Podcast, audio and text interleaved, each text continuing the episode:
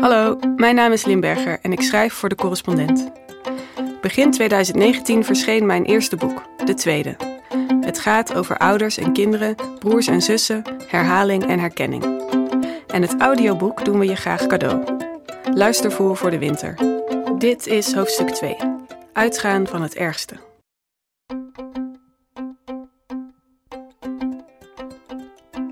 In het vorige hoofdstuk hoorde je hoe er in het verleden werd gedacht over de komst van een tweede kind.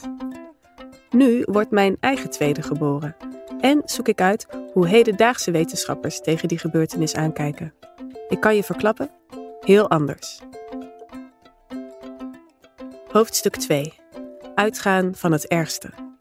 Over de geboorte van de tweede en de weerbaarheid van de eerste. Mijn zoon wordt geboren tijdens een hittegolf. Thuis, net als zijn zus ruim 2,5 jaar eerder, en op hetzelfde bankstel. Wel lig ik dit keer aan de andere kant, want deze verloskundige is linkshandig. De weeën zijn al uren bezig wanneer zij op ons raam klopt, ergens na middernacht, een blonde engel met een dokterstas onder haar arm. Ze gaan ook nog uren door, die weeën. Pas wanneer mijn dochter, die nog lag te slapen, in alle vroegte door mijn schoonzus is opgehaald, wil het met de ontsluiting een beetje vlotten. De zon is al op wanneer hij eindelijk ter wereld komt. Blauw aangelopen, schreeuwend, glibberig. Je hebt een neefje, zeg ik tegen mijn zusje wanneer ik haar bel, niet veel later. Zij huilen, ik ook. Is hij mooi? vraagt ze. Ik kijk naar het opgezwollen, boze hoofd op mijn borst, de dichtgeknepen ogen, de opengesperde mond. Ik heb geen idee, zeg ik. Ik kan het niet goed zien. Wanneer mijn dochter later die middag thuiskomt, zorgen we ervoor dat haar broertje niet door een van ons wordt vastgehouden. Dat is beter, heb ik op een opvoedsite gelezen, vanwege de jaloezie. In plaats daarvan ligt hij op zijn rug in de box. Oogjes gesloten, armpjes omhoog, volledige overgave. Iemand heeft hem een broekje en een vestje aangetrokken en een mutsje opgezet, maar dat kan niet verhullen dat hij van een andere planeet lijkt te komen, tot een andere soort lijkt te behoren. Nog niet helemaal mens is hij, nog niet helemaal van ons. Met z'n drieën buigen we ons over de kleine slapende indringer. Mijn vriend en ik bestuderen onze dochter. Hoe zij naar hem kijkt, stil, geïnteresseerd, lang. Dan richt ze zich tot mij en vraagt me mijn hemd op te tillen. Ze betast mijn slappe, maar nog altijd bolle buik, een buik die nog niet doorheeft dat hij leeg is. Ze knikt tevreden. Ja, zegt ze, je buik is weg. De dagen erna speuren we bij haar naar tekenen van jaloezie, van traumatische onttroning, van het begin van de permanente vervreemding waar Freud het over had. Er is de keer dat ze de bank onderplast terwijl ik haar broertje voed. Er is de keer in de speeltuin. Ik had gedacht dat hij nog wel even zou slapen, maar hij wordt wakker en huilt om melk. Ik onderbreek ons spel om hem dat te geven, waarop zij met haar volle 12 kilo aan mijn haar gaat hangen. Maar de woedeuitbarstingen, de slaapproblemen, de ontembare jaloezie, we zijn er klaar voor en ze blijven uit. Dit verandert ook in de weken die volgen niet. Weken waarin het haar toch duidelijk moet zijn geworden dat de baby niet meer weggaat. Dat hij zal blijven, of we hem nodig hebben of niet. Pas in de herfst, wanneer de eerste zinderende dagen van mijn zoons bestaan al ver achter ons liggen en de slapeloze nachten iets minder vreed zijn geworden en mijn dochter ons nog altijd niet met de nek heeft aangekeken, begin ik te geloven dat het beeld dat ik van tevoren had over zijn komst niet volledig kan zijn geweest. Dat jaloezie misschien niet zo universeel en onontkoombaar is als ik vreesde. Of in elk geval voor ons gezin lang niet zo ontwrichtend dat het laatste woord er nog niet over is gezegd. In de middagen, wanneer mijn dochter op de crash zit en mijn zoon in de box ligt te slapen, begeef ik me opnieuw online. Ditmaal laat ik de ouderfora met hun voorzorgslijstjes links liggen en bezoek ik de ernstiger regionen van het internet. Databases met academische artikelen, onderzoekspagina's van universiteiten. Want in de afgelopen vier decennia, zo'n beetje vanaf het moment dat twee de norm werd, heeft een groeiend aantal psychologen, antropologen en pedagogen de broer-zusrelatie ontdekt als één die de moeite van het bestuderen waard is. En nu zijn broers en zussen zo oud als de mensheid en bestaan de meeste sociale wetenschappen al sinds de 19e eeuw, dus eigenlijk is 40 jaar betrekkelijk kort. Zeker als je bedenkt dat zo'n 80 tot 90 procent van de mensheid tenminste één broer of zus heeft. En dat broers en zussen, wanneer ze klein zijn, meer tijd met elkaar doorbrengen dan met wie dan ook. Maar de wetenschap was zo druk bezig met de invloed van ouders op hun kinderen dat de andere gezinsleden lang over het hoofd werden gezien. Misschien was het de behoefte aan een frisse blik die een nieuwe generatie psychologen ertoe aanzette om wat inmiddels algemene waarheden waren geworden, eens wat rigoureuzer te gaan toetsen. En het enthousiasme over de denkbeelden van Sigmund Freud begon in de jaren 70 sowieso op zijn retour te raken. Hoe dan ook, inmiddels is er sprake van een klein maar groeiend veld dat je de wetenschap van broers en zussen zou kunnen noemen.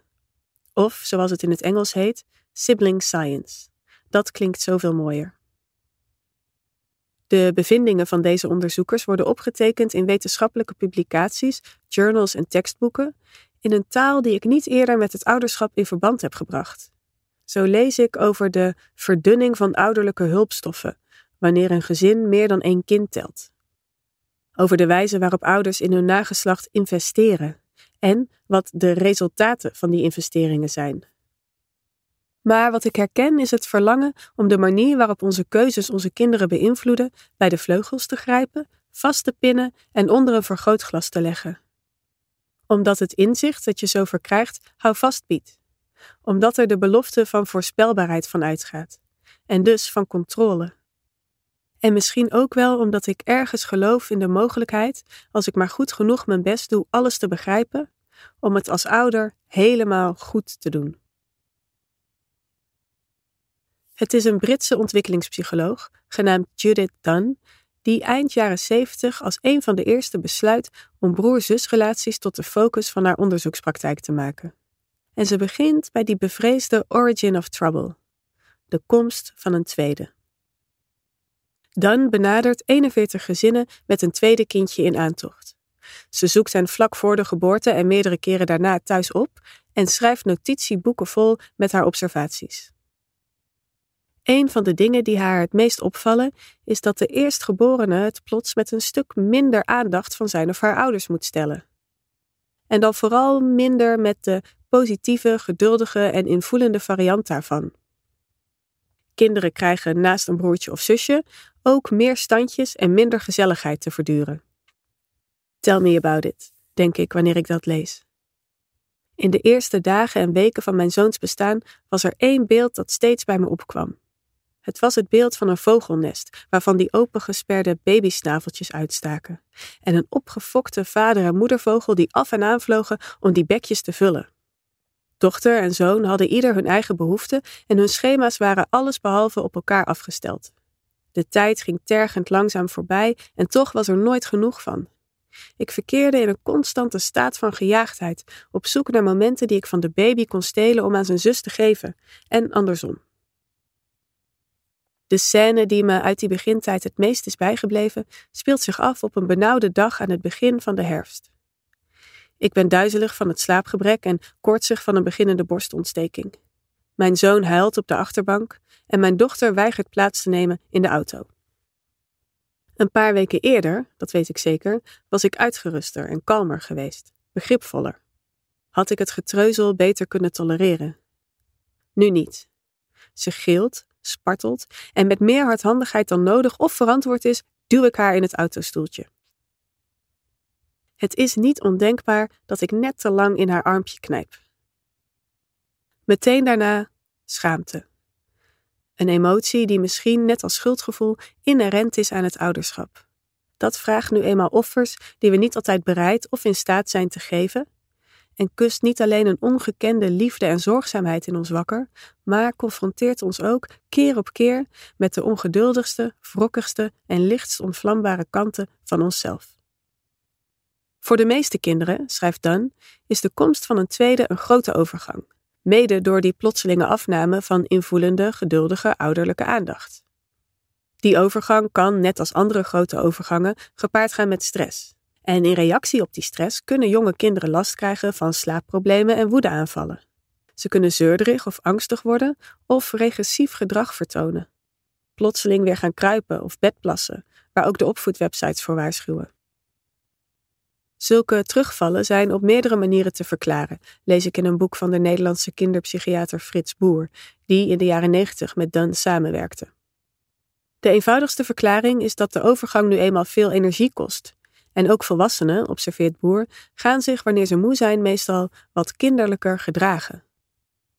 Volgens een andere biologische verklaring is de regressie bedoeld om ouderlijke zorg en aandacht vast te houden.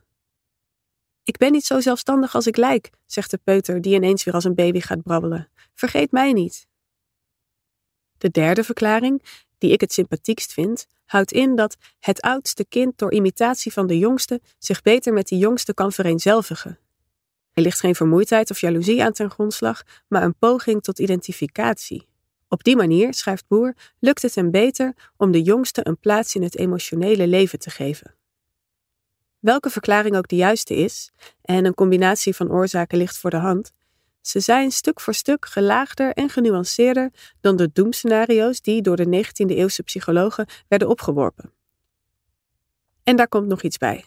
Dan zag in haar onderzoek dat lang niet alle kinderen met slaapproblemen, woedeaanvallen en regressief gedrag te kampen kregen.